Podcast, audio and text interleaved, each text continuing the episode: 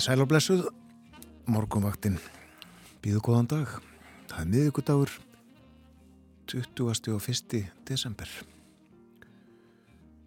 Vetrar sólstuður í dag og klukknavandan í mínutur í sjö. Um sjónumenn þáttarins Björn Þó Sigbjörnsson og Þórun Elisabeth Bóadóttir. Og við hugum að veðrinu, auðvitað hugum við að veðrinu og nefnum fyrst að það er ein gul viðurinn í gildi, þar að segja það er gul viðurinn í gildi fyrir einn landsluta og það er miðhálendið og það eru sem betur fyrir fáir. En það var einstíks frost í Reykjavík klukkan 6 og uh, hittast í svona öðru hverju megin við frostmarkið. Örlítill hitti á stökustað og mér sínist fjögur að gráðu frost vera það mesta sem ég sé allavega í fljótu bræði. En uh, það er enþá kvast sumstaðar. En sjö metrar á sekundu í Reykjavík heiðskýrt. Tekja steg á frost og sjö metrar á Kvanneri. Einstigsfrost en 15 metrar á sekundu í Stikisólmi heiðskýstar. En norðan 15 fór í 22 metra í mestu kviðu. Þryggjastega frostbæði á Patrísfyrði og í Bólungavík, 7 metrar á Patrísfyrði og 14 í Bólungavík. Einstigsfrost í Holmavík, á Holmavík og 12 metrar þar. Sama á teiningnum á Blönduósi, einstigsfrost og 12 metrar. Hittin við frostmark á Söðanisvita en 17 metrar á sekundu þar og fór í 23 í mestu kviðu. Einstigsfrost á Akureyri, þar snjóar, gerði það allavega fyrir 50 mínútum og uh, tiltölulega hægur vindur, 4 metrar á sekundu. 7 metrar á Húsavík en 13 á Rauvaröfn, fór í 19. Einstigs hitti á Skeltingstöðum, kvast, 15 metrar og upp í 23 og við frostmarkið á Eilstöðum, lítelsáttar snjókoma á 10 metrar kvassara í mestu kviðum. Einstigs hitti á höfni hotnafyrði og nýju metrar. Þryggjastega hitti á kvískerjum, norðan 17 og 26 metrar í mestu kviðu. Tveggjastega hitti á kirkibæðarklaustri, norðaustan 15 þar og kvassara í kviðum, mestu kviðunni. Einstigs hitti á Stórhauða og norðaustan 13 einstigs frost í Árnesi og 11 metrar þar norðaustan. 17 metrar á sekundu í mestu kviðu, svona viðræði. Á þessum völdu veðuratúnastöðun ringin í kringum landið klukkan 6 Já, og þá að veður horfunum. Norðaustan 13 til 23 metrar á sekundu kvassast á Suðausturlandi. Jæljagangur norðan og austanlands annars yfirleitt úrkomu löst en víðaskafræningur og frosti í dag á bylunu 0 til 7 stig. Þetta norðaustan kvassviðri er að mestu gengi niður sem sagt, þó að ennverði all kvast eða kvast sumstaðar sunnan til á landinu framann af degi. Og uh, á morgun norðan kaldi og kólnar heldur. Verða sem sagt norðaustan 13 til 20 undir hádegi dregur svo smám saman úr vindi og uh, kólnar og lægir sem sett áfram á morgun. Áfram jél á norður og austurlandi annars létt skíð á Þorlagsmessu er svo við hæ, búist við hægri norðurlegri eða breytilegri átt og dálitli mjöljum á við og dreif og talsverði frosti. Á Þorlagsmessu er frostið á bylunu fjögur til átjón stig og áfram kallt á aðfangadag og jóladag og hörkufrost á annan í jólum. Hörkufrost, já Svo hlýnar á þriðudag, þriðja jólum. Flug er hafið. Já, flug, uh, það eru að minnstakosti fjórar velar farnar núna í morgun, fjórar velar frá play farnar og svo er uh, ekki mikið um aflýsingar uh, þar sem eftir er af deginum eins og staðan er núna eina flugi sem ég sé að Æslandir hefur aflýst er til Tenerife sem átt að fara klukka nýju á eftir. Allt annað er ímust á áætlun eða uh, ekki alveg á áætlun en þó áformað í dag. Um, en það auðvitað tekur tíma að vinna upp þessa daga sem ekki var hægt að fljúa. Og hægt sem sagt að aka um Reykjanesbröðina, hún er fær, það eru aldrei skoða fréttir, en uh, það eru sumir vegir ennþorlokaðir, uh, Mósfellsheiði er til dæmis ennlokuð og Suðustrandavegur og uh, það er þæfingsfærði hafnir og þungfært á Vastleysuströnd og í nótt tókst á að opna Grindavíkurveg á ný. Skefur þar þó mikið. Meira um þetta allt saman hérna á eftir fáum uh, frettir frá frettastofunni eftir þrjára hálfa mínútu og eftir þær þá förum við þetta skráþáttar eins og skoðum betur ástandið í landinu þennan morgunin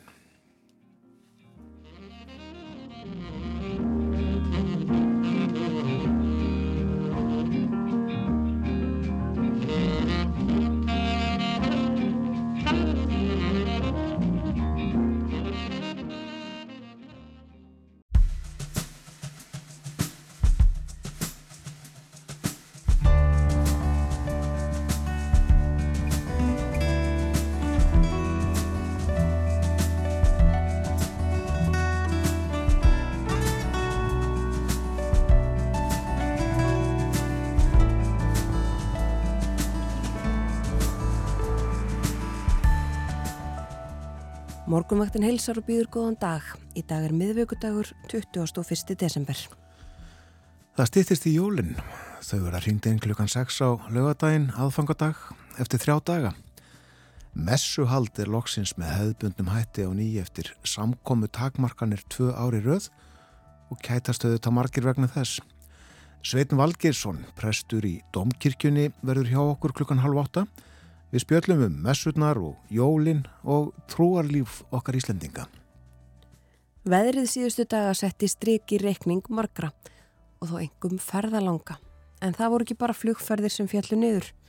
Littlu jólinn hjá krökkunum í Sandgerðisskóla fög út í buskan. Bilgja Baldurstóttir skólastjóri Sandgerðisskóla verður á línunni hjá okkur eftir morgunfréttinnar klukkan átta.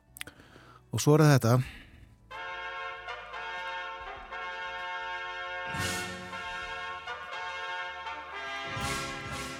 Jólahjól er eitt þessara vinsælu jólalaga sem er leikið aftur og aftur á aðvendunni. Yrkisefnið er sérstakt, það er sungið um vonir og vendingar um að í jólapakkanum frá pappa og mömmu leynist hjól. Jólahjól og við sögum koma jólahjólabær og jólahjólaklukka. Höfundur lags og texta Skúli Gautason segir okkur söguna á bakvið lagið í spjalli upp úr hálf nýju. Umsjón með morgunvaktinni hafa Björn Þór Sigbjörnsson og Þórun Elisabeth Bóðardóttir.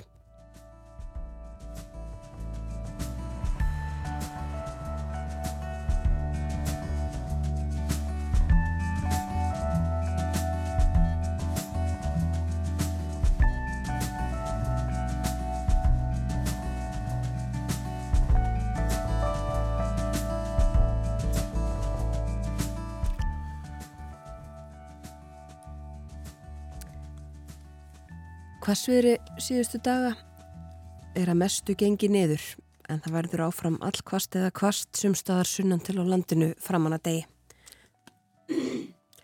Og uh, það gengur á með jæljum á norður og austurlandi í dag, annars létt skíjað og sumstaðar skafreiningur. Frost 0 til 7 stíð í dag en norðan kaldi á morgun og kólnar heldur. Á Þorláksmessu er svo búist við hægri, norðulegri eða breytilegri átt og dálitlu mjæljum á víð og dreif og talsverðu frosti að átjón stegum í innsveitum. Og á lögadag, aðfangadag jóla, eh, norðan 8 til 15 metrar á sekundu, víða jél eða dálitil snjókoma en yfirleitt úrkomulöst suðvestanlands og áfram kallt í veðri. Svo norðlega eða breytilega átt og víða ég líka á, á jóladag, létt skíðað suðvestan til og talfert, talsvert frost áfram. Hörgufrost, segir viðstofan á annan í jólum. Breytilegar áttir og skíðað með köplum en dálítil í helfið sjáarsíðuna. Sjá nú ekki ótt þetta orði viðskeitunum, hörgufrost? Nei, því er ekki, það er ekki notað til þess að lýsa veðrinu til dæmis á Þorláksmössu þar sem að frosti getur orðið átjón stig þannig að ég veit ekki alveg hvað hörkufróst er ef að Nei, það verður kallt. það verður kallt um, og ef maður lítur á kortið, spákortið fyrir lögadag aðfangadag klukkan 6 þá er það þannig eiginlega að það skiptist alveg. Uh, söður helmingur landsins já þar verður ímist uh, lett skíjað eða skíjað engin úrkoma í kortunum en allstaðar á norður helmingi landsins er snjókoma lítilsáttar snjókoma viðast hvar þó. Já, það var okk. og hægur vindur viðast hvar líka. Þótturnar hófuðu sig til lofts í morgun fóru reynda nokkrar uh, í gær held ég, setni partin Já, það var hægt að fljúa gær. Eitthvað? Og aka sem satt á milli höfuborgarsvæðisins og keflaðugur fljóðallar Já, og það er hægt líka. Og uh, týjir flugja, fluga á dagskrá í dag. 72 flug frá keflaðugur flugvalli áformuð. En um, það tekur auðvitað tíma og uh, þar flugvilar margar og ferðir uh, til þess að vinda og áfana þessu öllu saman. Já, öllu stoppinu í gerð og fyrradag. 70 flug á formu svo morgun það gengur vonandi vel. Já, við skulum vona það og uh, það ætti að gera það svona með fyrirvörum. Ekki uh, útlitt fyrir að það þurfi að, að loka vegna veðurs eða neitt slíkt en það er samt uh, víða skafræningur og köplum lítiskegni um allt land eiginlega. En allavega greiðfært um Reykjanesbröð samkvæmt vegagerðinni. Já, og innveðar á hann lísti því yfir í gær að uh, hann muni tryggja að svona gerist ekki aftur. Já. En uh, það er ófært mjög víða, gleymum því ekki. Það er uh, til dæmis enn lokað á Mósfellsheiði og Suðustrandavegi og uh, það tókst nú að opna Grindavíkuvegi í nótt. En uh, á Vesturlandi er víða hálka hálkublettir, skafrenningu mjög víða, það er ófært um skarðströnd og uh, fjallvegir á vestfjörðun lokaðir sumir, týnendisheðin til dæmis, ófært á Klettsálsi og í Árnesrepp en uh, það er þæfingur og snjóþekja eða hálka, skafrenningur uh, á þeim vegum sem þó eru opnir. Öksnadalsheðin lokuð, einnig uh, þverjárfjall og uh, þungvært þæfingur, hálka eða snjóþekja, annar staðar, skafrenningur, jæljagangur, snjókoma og lokaði það ófært meðal annars yfir Mývas og Möðurdalsörafi og einni á Vopnafjörðarheiði, Hólasandi og Hóvaskarði hálka annar staða snjóþekja eða skafrinningur þæfingur er á aðaldalsvegi. Fjörðarheiði er lokuð og uh, snjóþekja eða þæfingur víða. Þungfært er á upphjeraðsvegi og í skriðdal. Ófært er um vaskarðistra á öksi og breytalsiði og uh, það eru uh, hálkaða hálkublettir víðast hvar á Suðurlandi þæfingsfærað á Gölverabæjavegi og nokkrir vegir á Suðurlandi ófærir. Þetta er svona það helsta frá vegagerðinni þennan morguninu Má nefna það að uh, sundljóðanar í Reykjavík eða höfuborgarsvæðinu það er opnað í dag. Já, hafa verið lokaðar í tvo daga vegna þessar bilunar sem kom upp í helliseðarvirkjun. Já Gæt nú ekki skilja að það teindist veðrinu eða kuldanum og nokkur nátt Nei, en hittist svona á. Og lögardalslaug opnaði uh, fyrir tímindum klukkan sjö. Aðrar sundlugar borgarinnar opna hálf tólf. Og það er uh, tekið fram að þetta eru innilög og pottar í lögdalslaug og svo verða þær komnar á gott ról líka innilögur og pottar annar staðar, þarna rétt fyrir hádegi en útilögar verða áfram nokkuð kaldar fyrst um sinn. Já, það tekur vist tíma að hitta vatni í svona stórum kerjum. Og Ílströndin opnar klokkan 11. Já, gott að vita það. Falli mynda fórsvíðu morgunbladsins uh, hluti höfuborgarinnar uh, séður utan á sjó held ég bara sveimi þá nema þetta sé tekið að einhverju bryggju ég áttum ekki alveg á hvað hann er tekið en allir þetta sé ekki tekið í gerð þegar sólum var að setjast. Falliði litir þarna bæði á himninum og eins má sjá sóluna speiklast á haflitinum. Og uh, fjallaðu um vetrasólstuðunar og uh, segir hér nú eru dimmustu dagarnir á norður kveli jarðar. Og þegar klukkuna vantar rétt rúmar tímintur í tíu í kvöld þá verða tímamót á þeirri stundu eru vetrasólstuður og jörðin fer aftur að hallast í sólar átt lítið til að byrja með.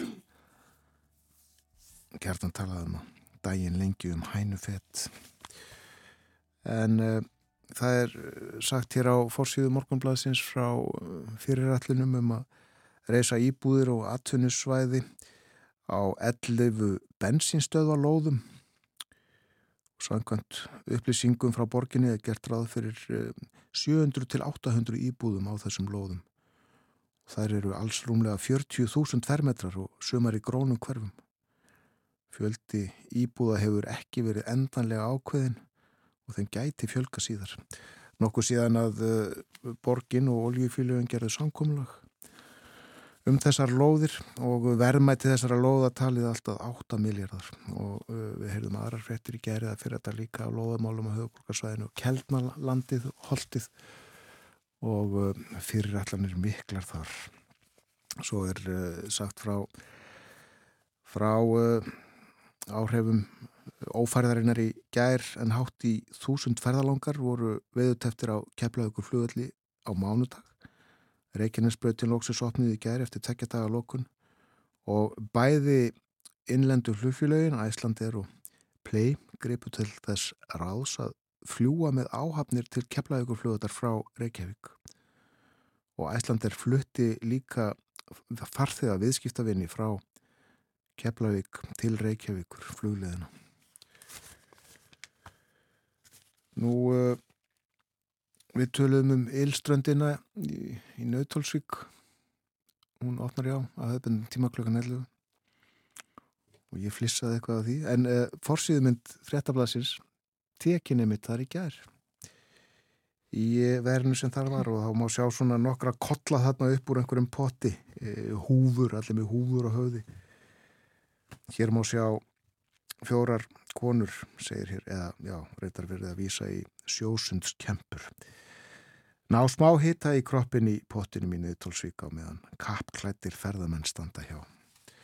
Svo er hérna verið að fjalla um uh, leikskólan Grandaborg og uh, vittnaði minnisblad sviðstjóra skóla og frístundasviðs um Grandaborg en í því segir að skólbrur hafi farið í sundur og uh, loftræsti kerfi skólans blés skóltmenguðu lofti upp í húsnæðið.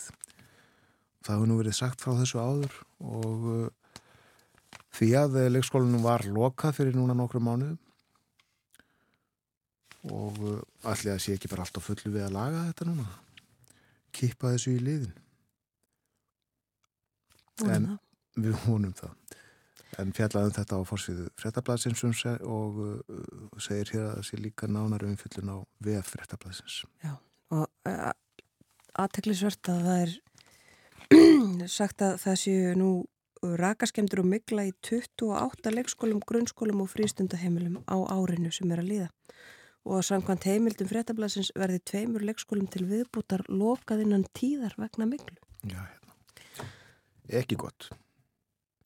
Jú að hlusta á eitt lag áður en að lengra er haldið. Já. Við skulum setja jólalag á fónin, heyrum Kvítjól, Elli og Vilhelmur syngja.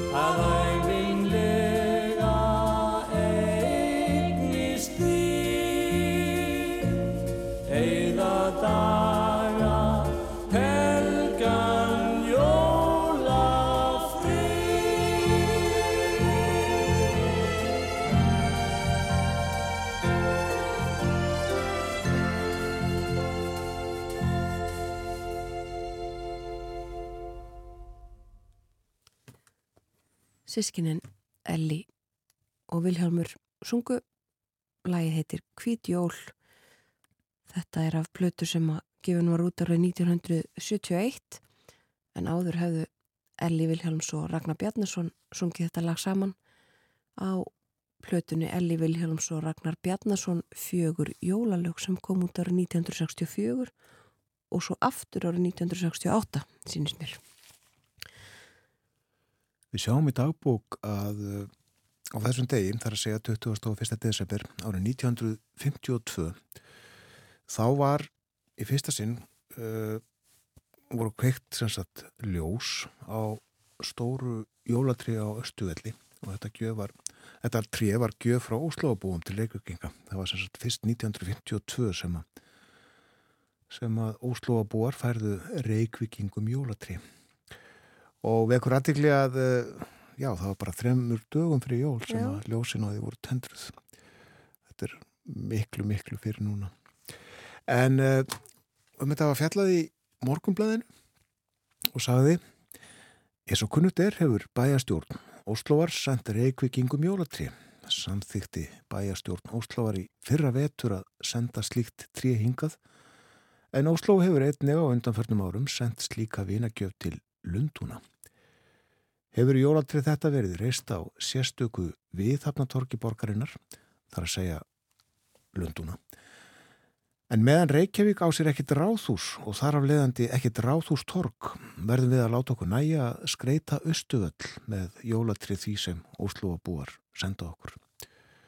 Og það var líka sagt frá, frá aðtöfninni sem að uh, fór fram þarna setna þennan dag og uh, það var sendi herran Norski sem að aðfendi trið Þorgir Andersen Rýst og dóttir hans hún tendraði ljósin á trínu og Dómkirkjukórin söng undir stjórn Páls Ísólfssonar.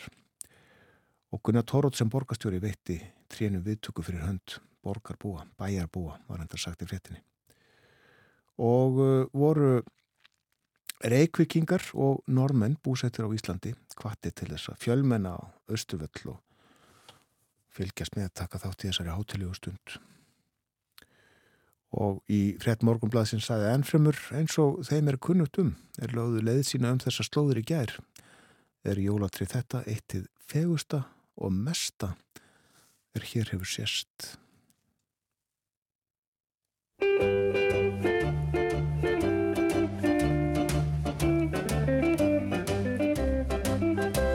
Ljósa dýrð loftin gilli, lítið hús indi fylli og hugurinn heimleiðis leiðar því æð, mann ég þá er hátið var í bæ. Ungan dreyn, ljósinn laða, litla snót, geislum baða, ég mann það svo lengi sem lífað ég fæ. Lífið þá er hátíð var í bæ.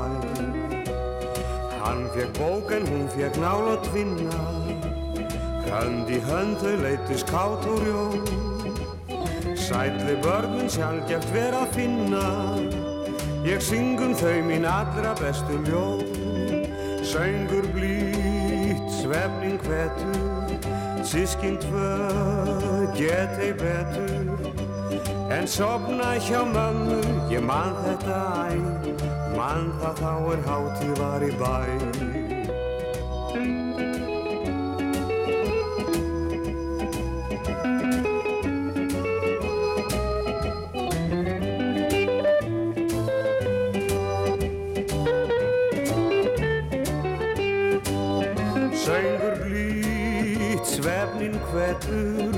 Sískinn tvö get hei betur En sopna hjá mömmu, ég mann þetta æ Mann það þá er hátíð var í bæ Mann það þá er hátíð var í bæ Hauku Mortens söng Hátíði bæ. Þetta lag líka frá árunni 1964. Og það líður að yfirleiti morgunfretta hjá okkur, frettinnar fyrst og fremst verið af veðri og erlendum vettfangi í morgun meðal annars sagt frá því að Lótumír Selenski, Úkrænufórseti, er á leið til Bandaríkjana. Mm -hmm. Fyrsta sinn eh, til útlanda síðan að innrás rúsa hófst þar í landi í februar síðastlinum. Og komin eh, mynd á nýja færiska ríkistjórn? Já, og eh, svo verður áfram sagt frá því í dag að það eru verkvöldu í Breitlandi. Í dag eru það sjúkraflutningamenn og búið að byðla til almennings að fara ekki á fyllir í, fara ekki út á hlaupa gera ekki neitt svona sem að gæti talist sem áhættu höfðun. Nei. Er það orðað í bresku blöðunum? Já, það er sniðugt. Já, en svo er það líka nýfrétt af innlenduverktvangi var að byrtast uh, frétt um það sem við höfum lesið í fjölmjölum undanvartan daga.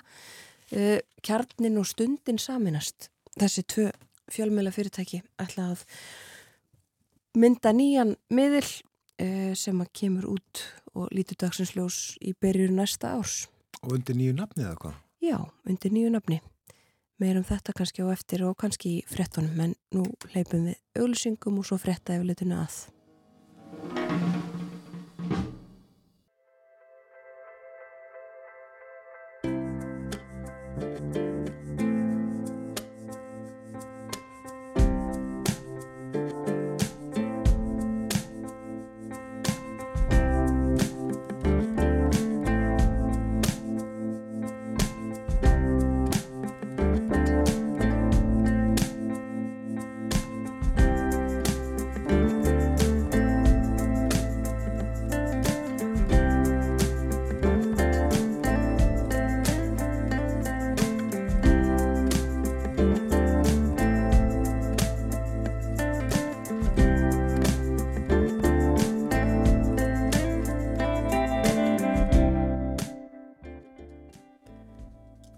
Þeir alveg á morgunvaktin á rásitt klukkan orðin rúmlega hálf átta þannan miðvíkudags morgun.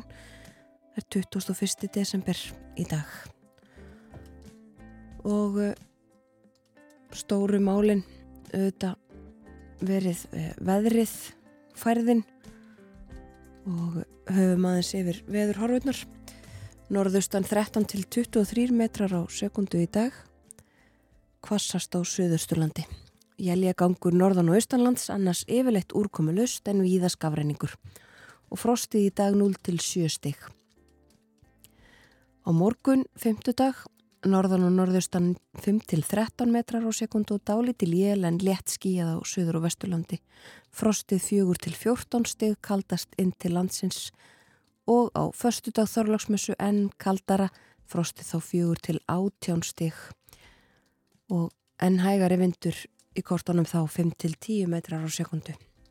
Þetta er með svipuðum hætti, dálíti lél norðan til, bjart með köplum sunnan heiða. Og þannig verður það líka á aðfangadag, norðan 8 til 15, víða jél eða dálítil snjókoma en yfirleitt úrkomu löst suðvestanlands og áfram kallt í veðri. Og þannig verður það kallt í veðri, uh, það er sagt talsvert frost í spáni fyrir jóladag, hörkufrost á annan jólum og svo á þriðju dag sem að sumir kalla þriðja í jólum þá er útlitt fyrir vaksandi söðaustanátt með snjókomu en síðar slittu eða rigningu. Hlínandi veður sem sagt þá. En við erum komin með hugan við jólin. Það eru bara þrýr dagar til jóla. Mitt og uh, núna verður messuhald með öðrum hætti en uh, síðustu tvenn jól allavega Það verður nú með hefðbundum hætti, loksins, loksins samkomu takmarkanirnar í fyrra og árið á undan komi í veg fyrir að fólk geti sótt kirkju, sumstaða var það reyndar hægt en uh, miklu miklu færri fengu að koma í kirkjuna en manalega. Og Sveitin Valgersson, prestur í Dómkirkjunni, er komin á morgunvaktina, velkomin til okkar. Takk okkur fyrir. Þú hlýtur að gleyðjast sérstaklega yfir þessu að geta messa fyrir fólk fyrir fram að þig. Já, byttu fyrir þér. Það var mjög einkennilegt í bæði fyrra og hitti fyrra. Það munaði svo litlu í fyrra að við gætum haft jól með fulla kirkju en svo held ég að við enda í 30 og þá er þannig bara rétt plás fyrir kórin og það er allt annað að, að, að embætta fyrir tómri kirkju heldur en á, á aðfokadag heldur en, heldur en fullir í kirkju, það segir sér sjálf og það minnir mann á það náttúrulega að, að, ræktun trúarinnar er samfélagslegt aðrið þetta er, þetta er staður það sem að fólki kemur saman og, og, og, og saminast í trúni En þið þurftuðu þetta að messa uh, við þurftum, þurftum messuna í, í útvarpið Já, þetta hefur verið óslitið frá því, ég nánast í árdag útvarpsfeldi að, að það veri beinumsending frá domkirkjunni og og ég veit það að sumum finnst mjög væntum um, um þessa, þennan dasgrálið. Ég held að hann sé með einna mestu hlustunina og, og mjög margir þeim, þeim finnst indislegt að heyra líka þögnina á undan. Það er svo gott þessi tíminn það þögn þegar að dettur í túna lognaðis og maður svona eh, kyrrist aðeins og, og einbytti sér í, í þögninni. Það er hún dásamleik líka. Já, já. já. Og uh, er búið að undirbúa messuna, allt tilbúið? Já, já, það, það best ég veit. Þetta, hún breytist nú ekki mikið. Það er alltaf sömur sálmættir. Er einhvern tíma reyndi að neykaði mörlítið til og það, það vektur nú ekki löku. Þannig að það, það er alltaf sömur sálmar og ég veit ekki betur en að kollega mín, sér að Eilenborg Sturldóttir, sé langt komið með breytingunina. Uh, við skiptumst, við erum alltaf bæði á þessum stóru dögum og, og ég sem sagt uh, þjóna og þjóna fyrir alltaf eins og það heitir og, og syng messun en hún, hún pretikar Já, og hún já, líklega já. Þetta að þjóna fyrir alltari já. þetta er svolítið sérstætt Hver, Hverjum ert að þjóna? Já, Guðsjónusta, hún snýri báður áttir í raun og veru, annars vegar er að Guðstjónusta uh, þar að segja þjóna Guði og líka þjóna fólkinu og, og ég sundi verið að segja það við fermingabötni þegar að áttast ekki almenlega á því hvað presturinn er snúast fyrir alltari að er, hugsunin er svo að þegar presturinn snýrað alltari þá er hann að fara með áhyggjöfni og, og, og bænir fólksins fyrir Guð og svo þegar hann snýsi frá alltari þá er hann að koma með bóðskapin frá herranum og til fólksins Já. það er hugmyndin Já. Þannig að það er verið að þjóna, þjóna þarna í báðar áttir Já. segir Í, í málfræðinni hétti þetta genitífus, objektífus og subjektífus þar er að segja eignarfall sko, sem að snýri báðar áttir þar er að mér meinir að Kristinn Ármarsson hafi talað um þetta hérna í latininni ástföðurins er bæði ástin sem að fæðurinn ber og líka ástin sem er borin til föðurins. Mitt, þannig að þetta er málfræðinni góð. Já, já Jólinn ringdi inn klukkan 6 og, og uh, þá hefst messan. En það er nú ekki þannig að þið fara bara heim eftir hann aftur og, og slappið af Það er önnur messa um kvöldið í Dómkirkjunni. Já, já, já við, við förum náttúrulega heim. Við komumst heim að milli. Við komumst heim að milli, en hérna, en það er, já, það var alltaf verið eitthvað, frá því ég byrjaði allavega, hefur alltaf verið minnættu messa. Það formið aðeins breytt, uh, svo messa var biskupsmessa á, á sínu tíma þegar herra Karl var biskup og uh, þá kom nú Hamrallíðakórin og söng, en nú er það alls saman breytt og við verðum með stund sem að heitir upp á ennsku Nine Lessons and Carols eða nýju lestrar og söngvar. Að þá sem sé ekki beint kór heldur fólkisingur og engin predikun eða slíkt heldur eru lestir, lesnir hérna textar hjálparæði sögunar alveg frá sköpun og, og, og fram að jólum. Og uh, hérna og þetta er mjög vinnselt form og ég veit til dæmis að King College í Cambridge að þetta er stærsta jólastundi hjá þeim og einna mesti jólaviðburður hjá BBC þetta form. Og ég heyri það á kollegum mínum í stjettinni að, að þetta, þetta er að vaksa, það eru fleiri að taka þetta upp sem er mjög ánægilegt En lesið og sungið á uh, íslensku þó að þessi kallaði þessu ennska, ennska nafni já, já, já, já, þetta er alltaf íslensku. Og, og, og reynum að fá lesara við að bæðu fermingabötn og eins fólkúsókninni þannig að það sé ekki alltaf bara að vera að hlusta prestana. Býstu við uh, að, að hvert sæti verði setið í með svonum aðfungadag? Ég vona það. En við vitum það líka að það er orðið bísna erfitt að fá fólkið úr fróttigalanum heim og, og fara út. Ég, við finnum það bara að, að COVID hefur svolítið hægt á öllu og það er erfiðar að fá fólk aftur á stað. En frá því ég mann eftir mér þá hefur alltaf verið fullt í domkirkinu klukkan 6 á, við aftansöngin og ég vona að það verði þannig áfram. Þið sjáu það sem sagt á messusókninni almennt að færri koma heldurinn fyrir faraldurinn. Já, og á öllu starfi bara, það er ekki bara í messunum, það er líka í eldriborgarastarfi og, og öllu því sem við bjóðum upp á og það eru færri. Og við erum ekkert einum þetta, þetta er held ég mjög víða í þjóðfélaginu. Það talaðum þetta í leikúsunum líka og tónlistafólk og, og fleiri. Þau eru veldi fyrir hvers svona stendur á þessu? Uh, já, ég held að þeir sem að voru kannski uh, ekki með uppbúrað miklir að fara út yfirleitt að þeir svona hverðust ennþá meira inn í sig. Maður veit að líka að margir öður bara hérna veikir á kofinu og hafa ekkert að heilsóður höfðu. Þannig að það eru mjög margar ástæður. Og maður verður kannski bara afvanur maður finnur það ekkert bara með þetta heldur svo margar hluti að maður venur sig á ég segi ekki dóðan en svona að ef maður lætir að ná tökum á sér þá getur verið erfitt að rýfa sig upp. Já. Það þekkjum við. Einmitt. Þannig að uh, korunveru faraldurinn fór svona frekar illa með trúalífið í landinu? Uh, Ég vonandi ekki trúalífið en, en þetta samfélag. Já, Já það, ég held að það, við getum alveg hérna, fundið það, alveg sama hvað maður reyndi að, að, hérna, að tegja sér út og, og halda sambandi við fólk að það það fór þetta nú svona. Já. og þá bara að vinna það er batur, það er ekkert annað að gera. Nei, og þið hefði messað og, og bara alveg frá því að það var bara í lægi að, að, að opna, opna dýr kirkjunar upp á gátt á nýjan leik. Já, já, já.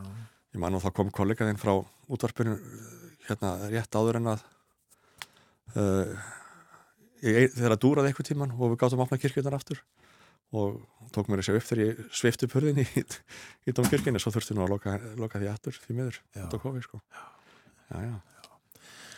Domkirkan eru þetta mjög sérstök kirkja, hún er domkirkja, hún er, í því fælst er það ekki að, að hún er kirkja biskups já.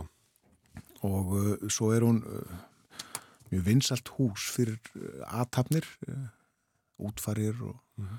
hjónavíkslur og þarna eru tónleikar. Já. Og uh, hún er auðvitað á þeim stað sem hún er á í, í, í miðborginum. Ég langaði að spyrja, nota þetta til þess að leiða þeim í að spyrja sko, hvernig, hvernig er sapnaða lífið í domkirkjunni? Það er heldur með aðeins öðrum hætti heldur út í hverfanum. Maður sér að það er að breytast. Við reyndar búum við það eins og nefnir að það er, þetta er sæmilega vinsal aðtapnakirkja en við líðum ölliti fyrir það að það er erfitt að fá stæði til dæmis og sapnaðastarf verður líka aðeins öðruvísi þegar að til dæmis ekki sko hverfiskóli hjá eða slíkt það er hérna hva, hva, ég ætla ekki að fara út í beinir sem ræður um kirkja og skólu og allt það en, en það segir sér bara sjálft að það, er, það er verður öðruvísi sko uh, samgangur og, og, og, og hérna til dæmis það verður mjög erfitt fyrir okkur að halda upp í barnastarfi Já. þó vorum við með alveg úrvalsfólkiði og sama kerfi og allir aðrir en, en reyndi var bara svo að, að það, það er ekki, ekki eitthvað að ganga til okkar úr, úr hverfinur þannig að hérna það, það, við erum að, að verða meira og meira bara þessi ofinbera kirkja og við erum að reyna að breyðast við því með því að auka helgihald. Við erum til dæmis með tíðasöngamotnana og, og, og svo eru pílagrima göngur hjá okkur líka í hverju viku og, og slíka hluti. Þannig að við erum svona hægt og rólega hverfa yfir í það að hérna, ég aðdátt til að mæta þessu að, að auka þá helgjald í kirkunni sjálfur og tónleikahald líka. Já. þannig að hann verður svona meiri viðburða og, og, og, og tónleika kirkja heldur en beininni sko, hvað maður segja þessir kallaða klúpa, en svona hópa sem að hittast svona utan helgjald sér en En þetta lítur að vera mjög ólíkt uh, því að vera prestur vestra fjörðum. Já, já, já. Reyndar er nú þjónustan alltaf svo sama en, en, en það er kannski bara uh, hvað maður segja, profílin og og hérna og slíkir hluti sem er aðeins öðruvísi. Við höfum alltaf vænt um, um jólinn fyrir vestan þegar ég messaði klukkan 18 á Bíldudal og 22 á, á Tálknarfyrð og svo gjartan inn á strand klukkan um miðnættumessu það var dásamlegt. Tvær heiðar að fara og ég man nú eftir því einn jólinn að þá þá messaði ég Brjánsleikja kirkju uh, klukkan 12 og messu kaffið var bara kakko og pippakökur út í gerði sem var rosa á Brjánsleik veitt okkur og svo tók við ferðalægið heim og ég var ekki komin heim fyrir fimm af því að það var eh, kleifa heið og ílvær Já, já, en, svona er bara lífið sunnstæðir á landinu. Já, já, já, já. Og, og allt hefur að sinnsjálf en alltaf tala nú Jóni jafn stert tilmannsfyrir það, það er, það er bara málið. Er trúin öðruvísi svona fámennar í samfélagum? Nei, ég held nú sé nú eins og sama en, en, en nándin er náttúrulega meiri. Maður hérna, hittir fólkið oftar getur maður sagt heldur en en, en neini, erindið er það sama og, og, og trún enn á þekk það veit ég nú segja. Já, en þú hittir uh, sóknarböðnin kannski ofta svona á, á í, gerði það fyrir vestan þar sem að já, já. fólk sem ætti þess að þið kannski sælt sér að minn. Jú, jú, allir það ekki. Já, já, já það var, var þannig sé nær flestum sko. En hérna sko þeim það fækkar alltaf í þjókirkjunni það lítur að særaði pínlítið að sjá fréttinur af því reglulega þegar, þegar hagstofan byrtir fréttir af því.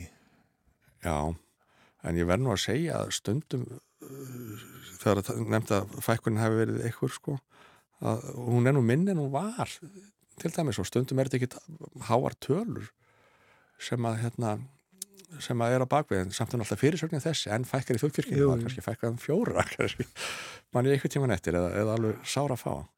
En uh, það er svo smart að það á bakvið ég held að það sé ekki beinlinis bara uh, mjög meðvituð trúarafstað sem veldur því að fólk segir svo þjóðkirkinu og, og það má líka hansi benda á að, að næst stærsta trúfélagið á Íslandi er, er ríkið.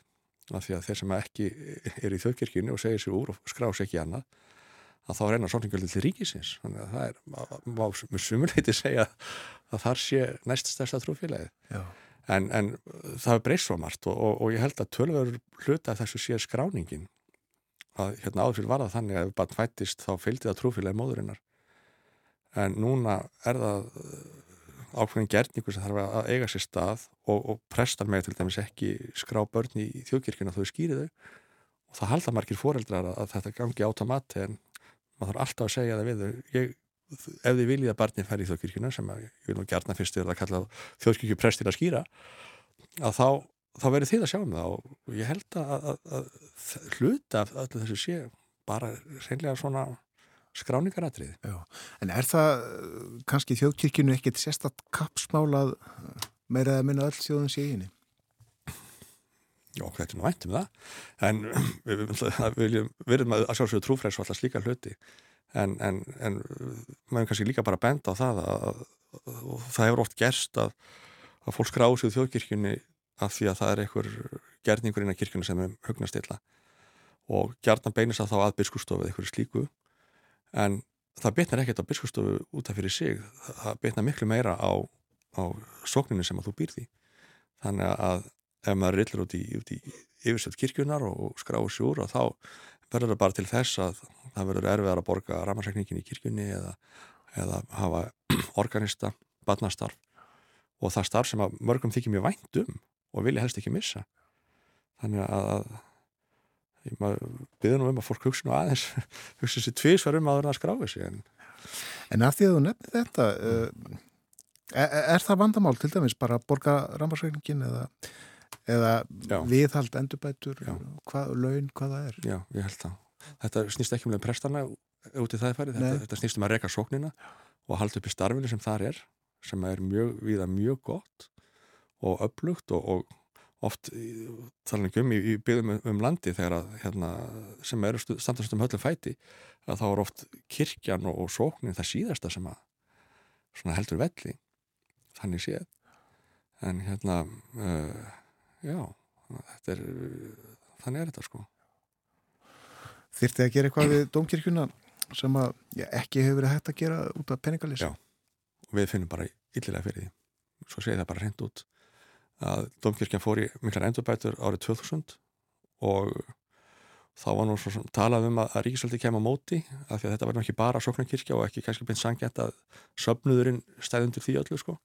En við erum að glíma við skuld sem að er okkur bara þung þannig að við höfum ekki haft efna á að hafa kirkjuverð til dæmis lengi. Og það er mjög margt í starfinu sem bara líður fyrir það það er bara við hérna lifum frá munni til handar í raun og veru. Þannig að okkur finnst það frekar uh, súrt í brót og daburlegt að hérna, þessi helgitóma þjóðarinnar sé nánast að vera svo betli kelling Stiður fólki í söfniðinu við, við kirkjuna með frálsum framlug? Já, já, það hefur verið sko. Og hérna uh, við hefum ekki verið mikið verið að eldast við það en, en við, við hefum átt okkar velunarar sem betur fyrir og það er mjög þakklátt fyrir það. En, en hérna en svona er samt staðan og við erum ekki þau einu. Þetta er, þetta er hjá kirkjum mjög víða um landi Já, já. En svo sjáum við þegar eitthvað gerist þá er samtakamátturinn mikill. Við höfum bara dæmið úr grímsei til dæmis. Já, og taktu líka eftir því hvað kirkja verið mikilvæg þegar að slis og erfið hlutir hérna eiga sér stað uh, ba bara í, erf, erfið slis að þá fylgist fólki í kirkjuna vegna þess að þá, þá finnur það virkilega hvað þarf að vagna að halda. Kirkjan er átt þannig að, að hérna, þegar það gengur vel þá þarf maður ekkert að vita af henni. En svo þegar það bjátar á að þá þarf hún að vera til staðar og geta tekið á móti og hún kann það. Hún, hún hérna, og hefur líka erindi sem að á sem á, hún er erindi sem að fullt erindi en það er, hún, hún skiptir máli. Já, Sveit tökum upp aðeins léttara hér, hér síðustu myndur uh,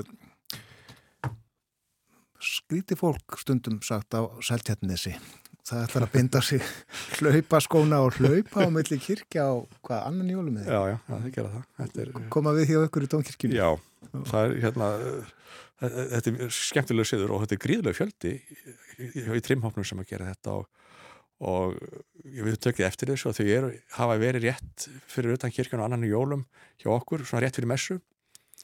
Og í ár þá ætlum að gera svipað og við gerðum fyrir kóf, þannig að við erum alltaf fyrir kóf og eftir kóf að við ætlum að stoppa því örlítið og fá þau til að syngja pílagrimarsálmir með okkur. Við erum með smá sálmaband með hérna, harmonik og kontrabass og gítarleikara og ætlum að fá hlauparan til að syngja pílagrimarsöngin fögur og fólkin Það verður skemmtilegt Já. Um aðra íþrótt langar mér svo að spyrja þig hér í blá blá lokin uh, fótbolta Argentína er hinsmeistari í fótbolta Já og uh, það er sagt að Argentínu og víðar í Suður-Ameríku að þar sé fótbólti trúabröð. Skilur þú hugsununa þar að baki? Hvað áttir við? Já, já ef að, ef að trúun er það sem að skiptir í mestu máli og þú ert tilbúin að fórna í eiginlega öllu fyrir þá sé ég tengingun alveg. Og maður sér alveg uh, hvað hann hérna, nær alveg utanum hjarta þeirra og, og likur í stýri lífið þeirra. Þannig að já, ég, ég, ég skil það alveg. Og þeir eru mjög trúaðir í Argentínu? Já. Og fótboltin er bara á pari við Guðstrúna eða? Já, ég þór ekki að það, það gæti verið sko, en taktu líka eftir einu sem er svo algengt með hérna knæspyrtumenn frá katholskunum löndum að, að þeir er farin á öllina þá setja þér alltaf hendina, á, eða gjarnan hendina á öllina og signa sér svo og það nánast eins og sé að koma inn á heilægna stað þannig að fylitinu Getið sér tenginguna, já, já. Þakka að kellega fyrir að koma til okkar þannig morgunin gleðileg jól. Já, gleðileg hátíð og mín var ánægin. Sveit Valgersson er prestur í Dómkirkjunni.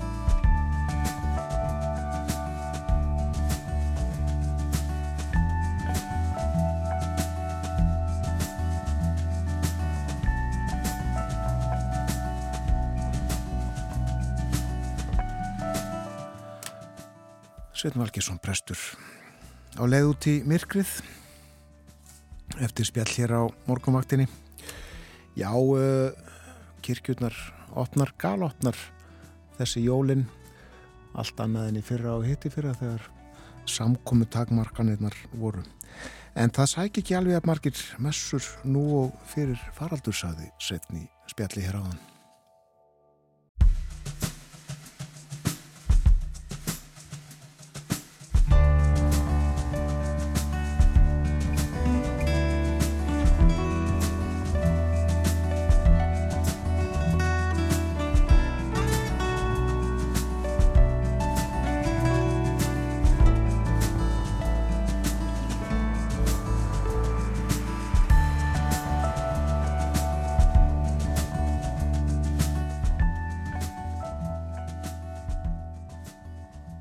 Þið eru að hlusta morgunvaktina á rás 1.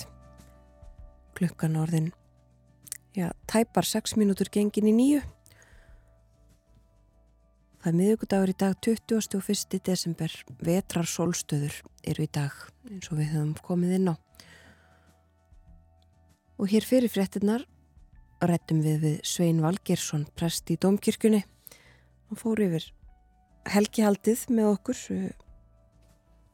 hvernig þessu verður háttað um jólinn í domkirkini, hvernig sapnaðarstarfið er almennt eh, og sitt hvað fleira. Prestar finna fyrir því eins og margir aðrir að það er erfiðar að fá fólk á staðin, fá fólk til að mæta einhvert eh, eftir koronaviru faraldurinn. Það er mitt ekki hægt að messa með eðlilegum hætti þar að segja fyrir fullri kirkju síðustu jól síðustu tvenn jól og eh, tilhlökkun að geta núna messað og haft fólk með sér. Það er allt öðruvísi. Og hér á eftir meira af jólum þá ætlum við að fræðast um þetta sérstaka jólalag.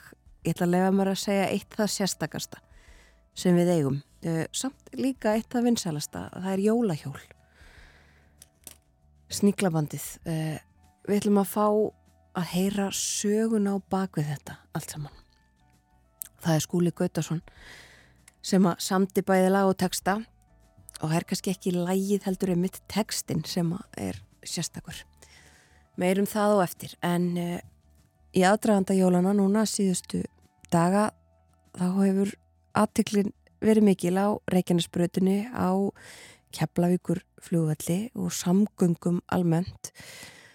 Vond veður og uh, okkur sínist að það sé svona nánast allt á áætlun á Keflavíkur fljóðvalli í dag og, eh, og búið að segja frá því að bæði íslensku flugfélögin Play og Æslandir er að gera allt sem þau geta til þess að koma öllum eh, til síns heima eða á áfangastað fyrir jólinn, búið að leia velar og gera allt sem að eh, hægt er eh, Birgir Birgir eh, Jónsson Forstjóri Play segir hér til dæmis við morgumblæðið að það verði öllum bröðum breytt, beitt til þess að koma fólki til síns heima. En það var ekki bara á Keflavíkuflugulli sem að eh, varð röskun á hefðbundnu starfi vegna veðurs það verður nánast, já það valla verið bara hægt að fara út úr húsi viða á söðunusjum síðustu daga verst eða einna verst hefur ástandi verið í söðunusja bæ Sandgerði og Garði og í símanum hjá okkur er Bilgja Baldustóttir, hún er skólastjóri Sandgerðisskóla. Góðan dag Bilgja. Góðan dag. Ég ætla að byrja á að byrja þig að segja mér aðeins, gefa mér svona stutta veður lýsingu, hvernig er veðrið núna í morgunsárið? Þetta er nú bara allt að koma. Það hérna, hefur róast hjá okkur og, og skefum minna. Og það er náttúrulega einna vest alltaf hjá okkur ef að snjóar í norðaustanátt þá svona hérna, fyllir þetta bæinn bara. Það, það fer úr heiðinni og, og úrgarðinu yfir í sanginu. Akkurát. Og það hefur auðvitað verið norðaustanátt eh, mm. í marga daga einlega. Já, og, og mest í snjóð sem ég sé bara í, í bara mörg ár. Já. Já, ég sé myndir og myndbönda það, það er alveg Það er ekki ofsum sagt, það er rosalega mikill snjór og hefur verið. Já. Og hvernig, hvernig hefur þetta verið síðustu dag? Hefur fólk uh, og þú til dæmis eitthvað komist út úr húsi almennilega? Já, maður fyrir bara út úr húsi með því að klæða sig vel og setja á sig skíðaglirugun og, og ganga yfir skablana. Já, já, maður gengur en, yfir skablana, það ekki, hefur ekki verið auðvilt að komast á bílum eða hvað? Nei, þeir hafa lokast inn, eða götur hafa lokast, það, það er alveg þannig. Já, og þið þurftuð að grípa til þess að loka skólanum? Já, við, hérna, við þurftum að loka í tvo daga. Já, mánudag og þriðu dag að það ekki? Jú, en, og, og mikið tilhökkum búin að vera hjá yngstu krökkunum það var að vera jólahátti á mánudagin en það er bara þannig ef það er ekki hægt að komast á milli staða þá er ekki hægt að halda út í skóla.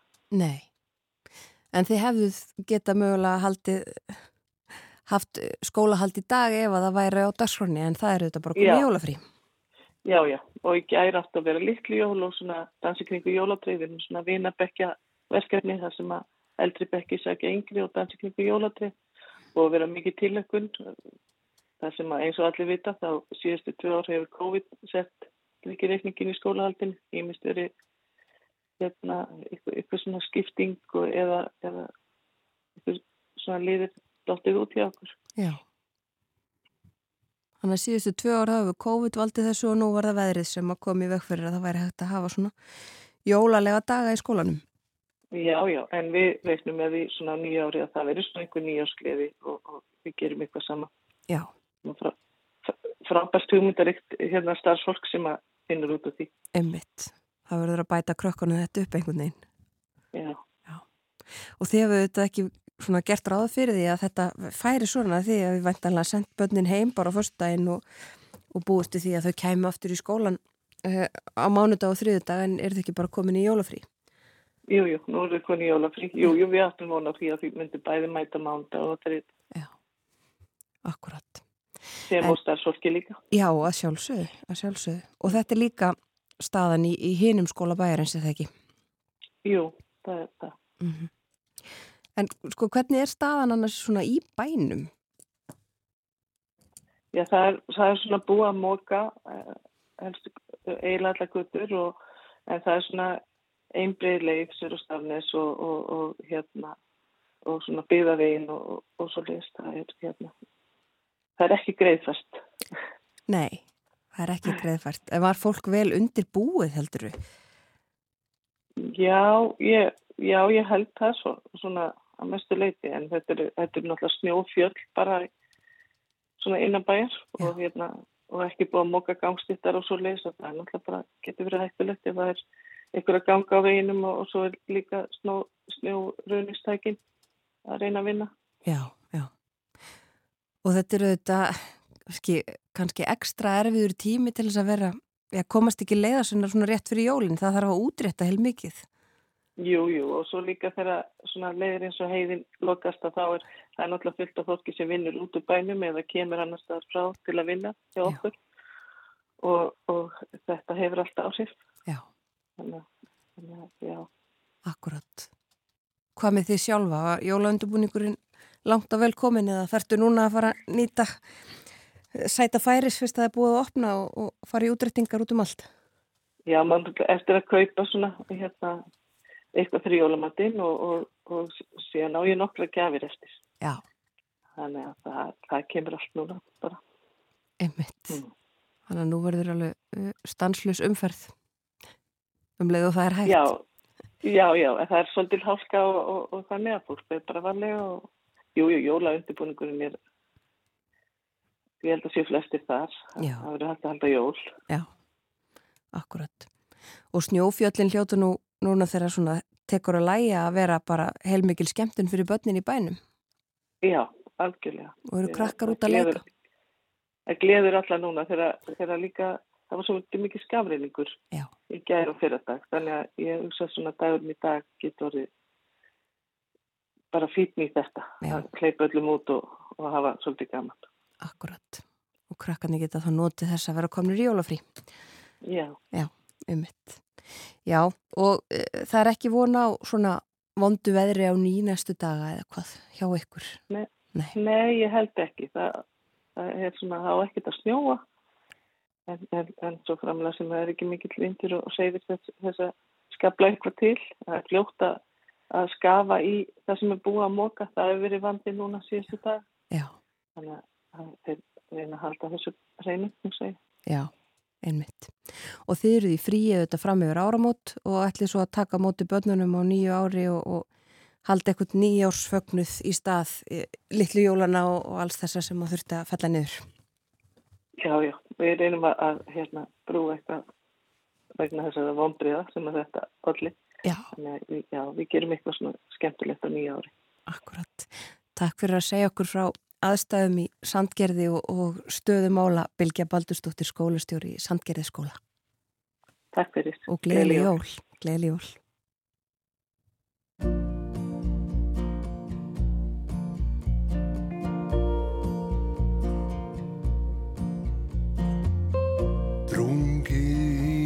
Desember.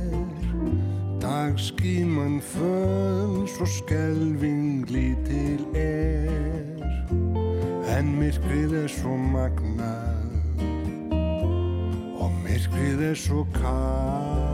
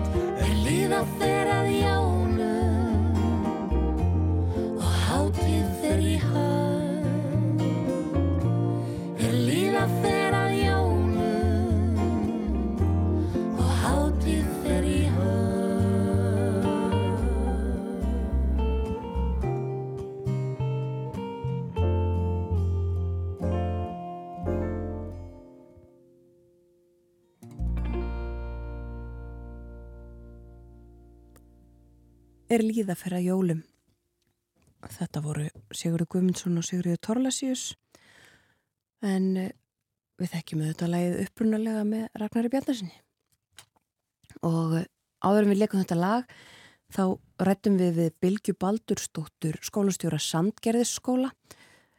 Þar var ekki hægt að eh, halda jólaskemtanir eða halda út öðru skólastarfi síðustu tvo dagana fyrir jólafrí og þannig var því raunar farið eh, víða annar staðar. Það var líka eh, ákveðið að aflýsa öllum jólaskemtunum í grunnskólum í Reykjanesbæ og eh, erfitt eh, þetta ástand og það eru svolítið magnaða myndir af því einmitt hvernig ástandið í samtgerði var á vef vikufrétta eh, eins og Bilgja fór yfir þá er það í þessari átt að þá einhvern veginn fíkur snjórin eins og hún sagði úr gardi og úr uh, heiðinni og í sandgerði og það eru skablar uh, vel upp á til dæmis aðra hæð í húsi hérna sem við sjáum og skablar á vegum sem að eins og Kristján Guðmundsson sem að tók þessar myndir uh, já það segir í myndatekstanum það fer engin yfir þennan skabl nema fugglum fljúandi Nei.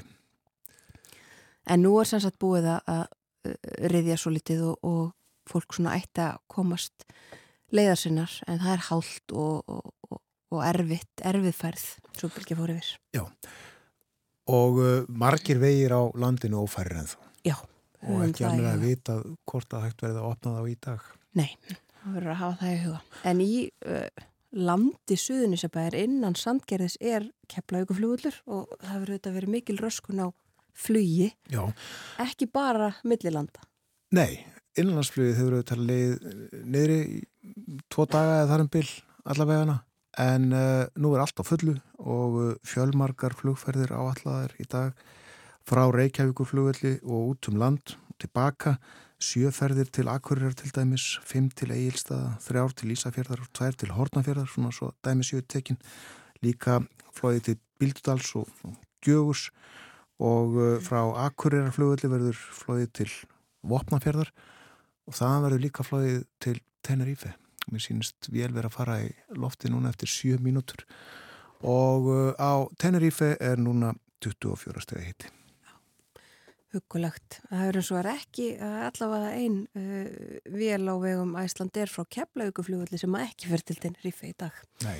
En það eru fjölmarkar sem að eru eða eiga að vera að fara þangað þessa dagana? Nefnum annað líka að því að það þurft að loka sundljónum í Reykjavík í uh, gær og fyrradag líka vegna bílunar ótengt veðrinu. Mm -hmm. en uh, fólk kennst í sund í dag. Lögatarslegin opnaði snemma í morgun og aðra lögar opnaðum rétt fyrir hátegi inni lögar fyrst og fremst uh, þar sem þær eru. Tekur tíma að uh, dæla heitu vatni út í stóru lögarnar úti þannig að, að hittastíði verði eins og fólk almennt vil hafa það. En uh, margir sjálfsagt vegnir að komast í sund. Já, ómissandi hluti á deginum hjá mörgum. Við förum að hleypa uh, frettastofinni að það er, er fretta yfirlitt fyrst auglýsingar og svo höldum við áfram hér á morgunvaktinu og við höldum áfram að vera með hugan við jólinn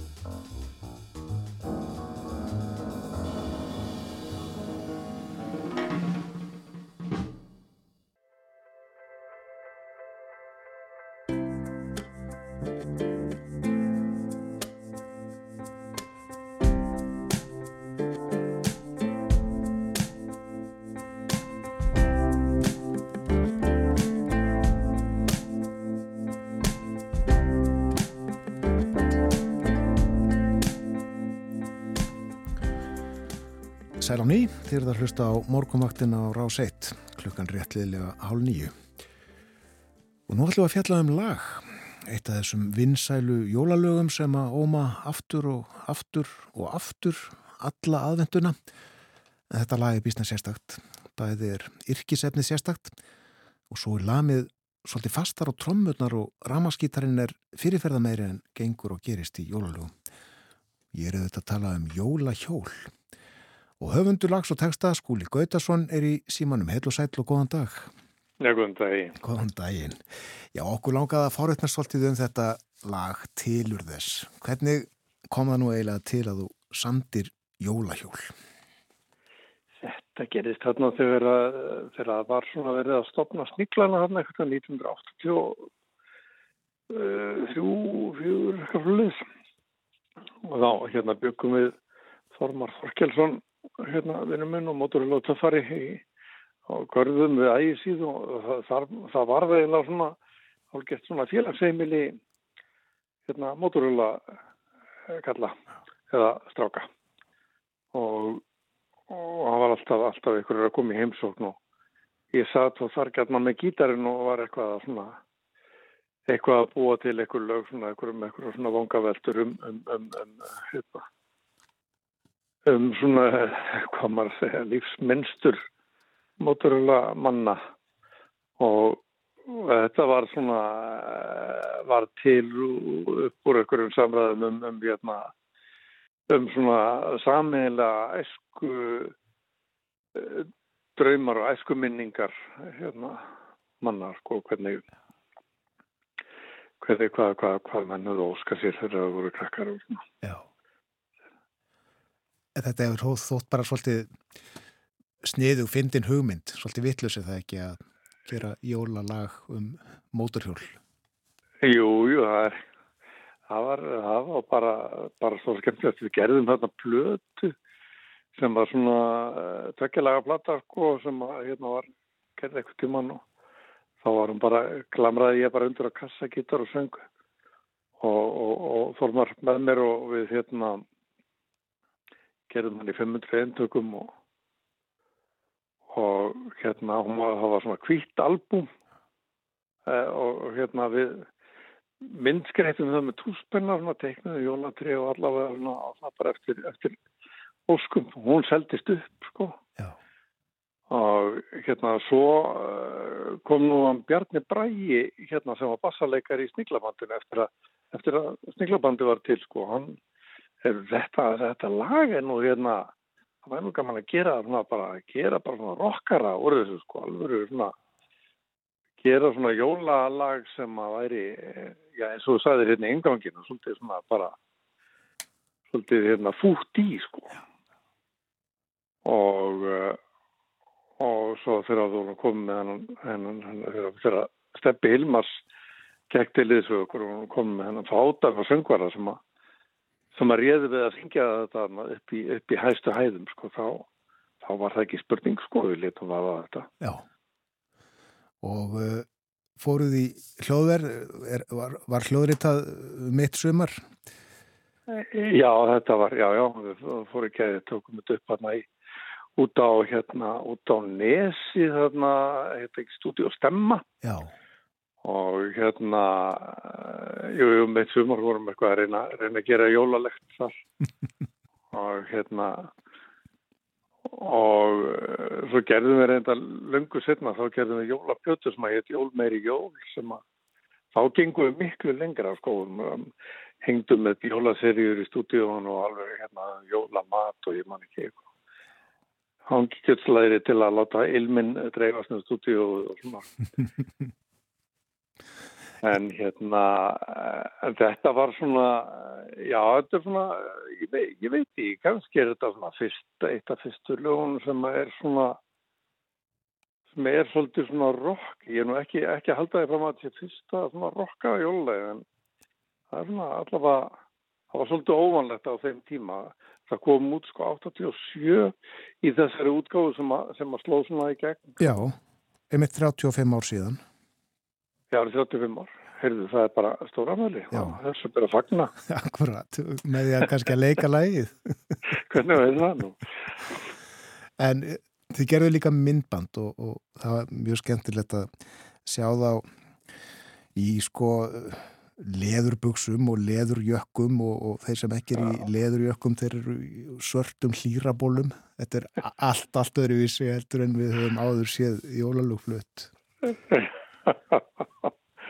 Já, þetta var svolítið kostilegt. Ég ætti nú að Jón Egil Bergþórsson var pródusent hjá Rúf og þenn tíma og gerði þetta myndband og, og hérna ég ætti nú að vera með þessu og þá var hérna bjóða akkur þá þá var, þá var ekki flóið þarna morgunin, ég var bara veðutöftur hérna og en þekkja það nú að remmingum undarfarna daga hérna komst ekki þannig að ég, ég hérna fekk hérna bekkjabróðum hann og leiklistarskólanum hann Eirik Guðmundsson og hann leikur í þessu hérna hlutverki sem, sem ég átt að leika í þessu og gerði hann með stakri bríði Já, það er hann sem að sníklast hérna í kringum jólatrið og pakkana og, og svo Já. hjólið Akkurat, Jólahjólið jólahjólið sjálft sko. Jólahjólið sjálft, já. Og, og þannig eru líka sko jólahjólabær og, og jólahjólaklukkan Já, já í textanum. þetta var svona ég man nú, það var nú það var eitthvað að verða þetta kom nú til, sko, nafni var að var- kom nú til að við vorum eitthvað að reyðum að sem þetta jól og hjól væri svona af sama meiði, sko uh, hérna orð, orðsifja fræðilega séð, sko þannig, að- þannig var nú þessi þetta, þetta orð til, sko Já, akkurat. Manstu hvernig læginu var tekið á sín tíma? Það var bara alveg svona instant hit sko. Já. Það var hérna, hann, nei, nei, ég held að ég sé ekki þetta rjúfan er trúna þegar ég segja hann, hann steppi Hilmars, hann var hérna, hann sá um þarna, eh, ég manum ekki hvað hétt, þess að vinsælda lista rásar 2 Já, á þessum tíma og, og lægið sko raukbeint í fyrsta seti bara strax. Og, en hann kunni ekki við það að hafa hafa lag með sjálfur sér sko í fyrsta seti þannig að hann færði það niður í annars seti sko. En þetta var, alveg að drepa kalli já, en þetta var vinsalasta lag landsins á þessum tíma. já já. Og ég man, man þegar ég kom og þá, þá var kringlan kring, það var nýbúið að opna kringlana Já. Ég held að hún hefði bara opnað bara nokkrum tveimur mánuðum áður sko. Og hérna ég var eitthvað að labba í kringlunu og hérna einhver nobody bara mætti þarna sko einhverjum krökkum og þau voru að syngja lægið lægið mitt sko.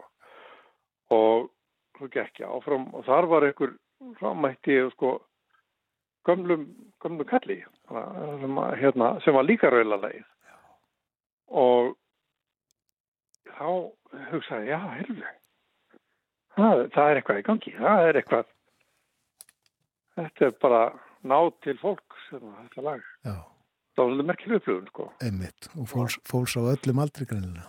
já, bara, bara alls, konar, alls konar fólk að syngja þetta lag Já. Það er eitthvað við það, það er alveg, alveg, alveg rétt að, að, hérna, að þannig er þetta. Finnst þér gaman að heyra það sjálfum í dag? Já, já, ég er ekki óa væntum þetta lag hérna og hérna þau voru að þakla það hann, hann Einar Rúnarsson sem er orgaleikar í Stinglamundur og hann á nú ótrúlega stóran þátt í læginu hann spilar þessa orgel lúppu þarna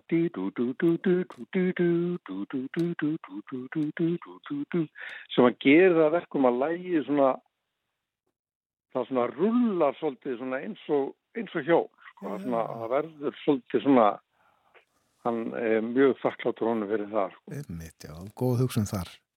já, hann, hann er, hann er klúrin Já, það er mitt var þá ekki þarna í kassagítarútgáfun ykkar fyrst. nei, já, nei, það var ekki það var hérna þar var, það var hérna og fengum við hérna frængu hans Þormals til að spila flöytu sóló þar Já, en hérna og talandu sóló þá spilar einar líka þarna orgelsóló það er nú það er nú eitt af svona þarna þarna sem að það er svona eitt af kannski fáum sólón sem að bæði allir kunna og allir syngja með og mér það alltaf að fyndið þegar allir syngja með í sólónu Já, ég mitt, já, já. það er, þetta er svona góð krækja má segja. já, þetta er, það er í þessu sko. Já. En svo náttúrulega vekur aðtikli líka uh, skemmtilegu söngu Stefán sem var lít þekktur þarna á þessum tíma. hann er náttúrulega algjörlega ótrúlegu söngvari sko fer þarna sko langt upp fyrir háa síði sko og hérna, mann er bara alveg göftu sko Já, aldrei heilt, þetta. Til er bíómynd sem heitir að báta bói og hún fjallar um mann sem er í mikill tilvista kreppu. Hann lifir, lifir mjög góðu lífi á stefgjöldum uh, sem hann erfði eftir föður sinn sem að samti eitt vinsalt tjólulag. er rétt, já já, góð fyrir nokkrum árum. Það var það var aldrei, aldrei tala um þetta sko. Lifið þið fjölskyldan á stefgjöldunum af jólahjóli? Nei, því miður, þetta er svo, þetta er svo lítill markaður hérna, þetta er svo fáa ræður að það væri nú sko bindast að geta keirt á sportbíl bara og, Já, en hérna, eh, já, já, því, því miður, það voru margir með svona settu ákveðið saman sem merki hérna þegar þessi minn kom manni að, en, en það er, það er, það er, það er nú sko oft þannig að þetta duga fyrir jólagjöfata konni, sko, þá er ég gladur. Já, það er gott að heyra, gott að heyra. Fyrir uh, líklega 25 árum þá sá ég hér morgun þátt á Rástöfi Leifur Haugsson og uh, Ylvi Jökulsson flutti písla í þeim þætti vikulega og uh, hann talaði alltaf lengi var mikið niðri fyrir og þurfti, þurfti að nota mörg orð til þess að segja skoðanir sínur á málunum og talaði alltaf yfir svona fram að frétta yfirlitinu en svo kom hann einn morgun og sagði já ég ætla að tala stutt í dag en þið þurfa að spila jólahjól þegar ég er búið með pistilin og, og við hefðum það klárt en hann auðvitað gæti ekki hamið sig og talaði aftur fram að frétta yfirlitið þannig að við spilum bara eftir, eftir frétta yfirlitið en, en sko þetta reyfiðast upp fyrir mér bara um daginn þegar ég sá yllu að lýsa því yfir á Facebook að, að sem sagt enn þann dag í dag er þetta uppáhalds jólalagi hans og, og, og bara besta jólalagið, segir hann. Já, já. Já, ég, ég sá það, ég, við, hérna, við þóttum mjög væntu það, væntu að sjá það. Þetta hérna sannar en fremur það sem við sögum aðan sko að þetta hérna heillar unga sem aldna og Já, já. Ég einmitt, sko, byrja alltaf hvern dag og bara þegar ég opna augun þá byrjaði ég að leysa hérna spurningaþrautina síðlu og þakkláttu honum fyrir það. það virkar uh, hérna betur en nokkur kaffibólli, sko, þá selurnar í gang. og hann byrjaði þetta einu að hlusta á jólahjól og aðvendunni allavega hana Herri, þetta var gott, við ætlum að spila lægið eh, mér langar samt fyrst aðeins að, eða semst áður aðeins að spyrja þig að því að þú ert nú ekki bara höfundur jólahjóls, þú ert líka menningafulltrú á vestfjörðum. Fá að heyra aðeins af menningalífinu á því góða landsveði Já, já, það er, það er alveg, alveg með ólíkindum, sko, hvað það er, hvað það er líflegt og, og, og skemmtilegt, sko. Já, Það er hérna, það er, já, ég, ég veit ekki hvort það er, það er nú kannski ekkert sem að ég get svona verið að plugga sérstaklega núna, sko, það er verið undirbúa, náttúrulega aldrei fór í söður um páskana, sko, og, hérna, maður notar, maður var að misnota tækifærið þegar maður kemst í útvarp og, og hérna reyna að vekja aðtikla á okkur, en hérna það er, og, og, og hérna, við vorum um daginn, sko, að útluta styrkjum, þetta er, svona skemmtilegt, sko, maður að útluta styrkjum úr uppbyggingarsjóði vestfjörða Já. Og það eru svona alls konar hugmyndir, sko, litlar hugmyndir og, og fara segjan eitt hring, sko, næsta sumar og sjá þær svona kvikna og verða, verða veruleika og, og hérna og það er, það er margt, margt mjög spennandi næsta sumar, ég get alveg alveg lofa því að veri og, og hérna gaman að ferðast um vesturinn næsta sumar sko. já. Þánga mun leið margra öruglega líka Já, ég vona það. Já, akkurat. Já, einmitt, það lítur að vera áhugavert að sjá, vera með hugmynd frá fólki á blaði og, og, og sjá þetta einhvern veginn fyrir sig og, og mæta svo í gallerið eða, eða hvaða er og sjá þetta að vera veruleika. Já, já. Veruleika, sko, já. Einmitt. Kæra þakki fyrir spjallið skúli. Segja okkur söguna Sum, jólahjóli. Sum leiðis, já, sum leiðis. Og nú er ekki annað að gera en að setja það að stað. Já, bestu. Bestu hvaðið til þínu og gleðileg jól. Takk.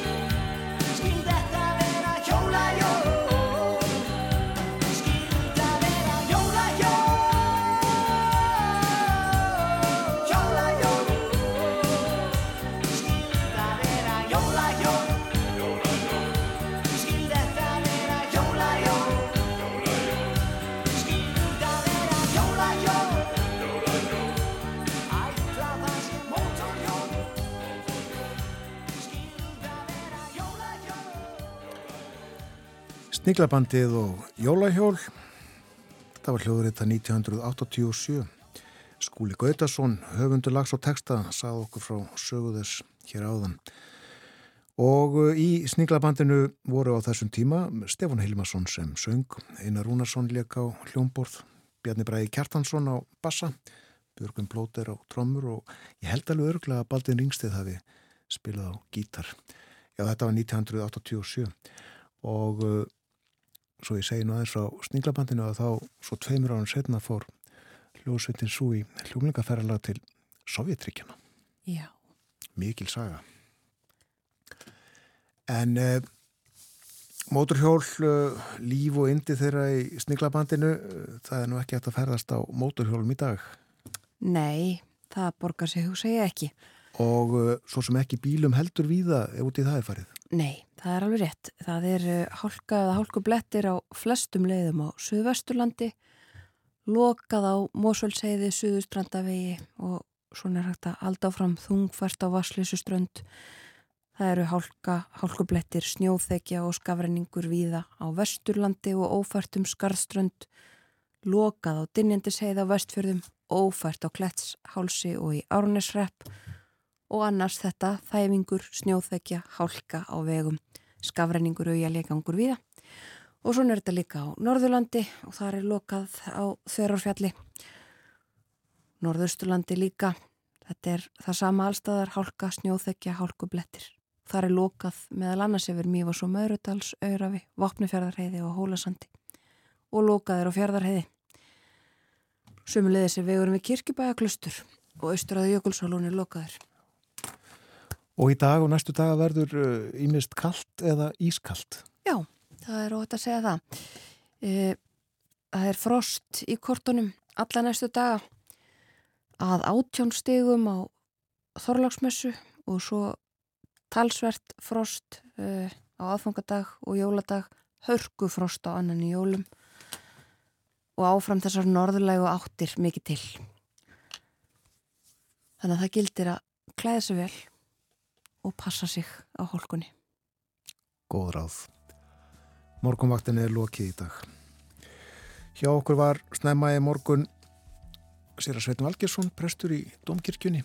Hann er gladur yfir því að geta messað fyrir fullri kirkju af fólki en uh, þannig hefur það ekki verið síðustu tvenn jól út af samkomu takmörkunum vegna korunveru faraldursins nú er það allt saman búið takmarkannar þar að segja.